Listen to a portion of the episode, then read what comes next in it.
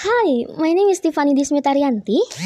Permission to respond to the one question with the question is with the many negative effect of globalization affecting the next generation of the nation is the role of civic education needed to overcome this problem.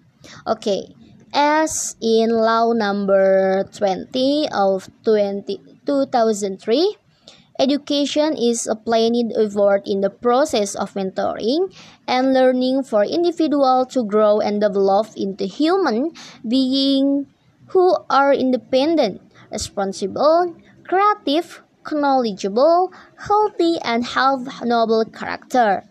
Then the era of globalization is a reformation era where everything has changed.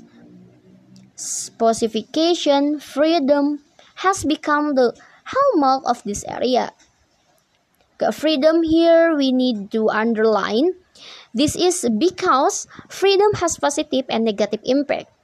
Has a positive impact, for example, exchanging a people talk, getting to know each other culture and other.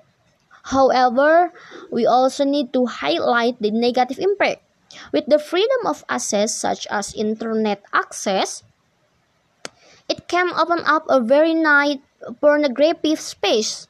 If there is not child, Indonesian citizens will be carried away by the negative current of globalization.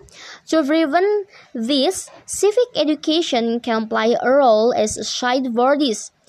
Cultivating moral value is very useful from this one subject because moral is what matter. When a person has been so good moral value, he will hold on to this value and will not be easily carried away by bad value. Okay, thank you.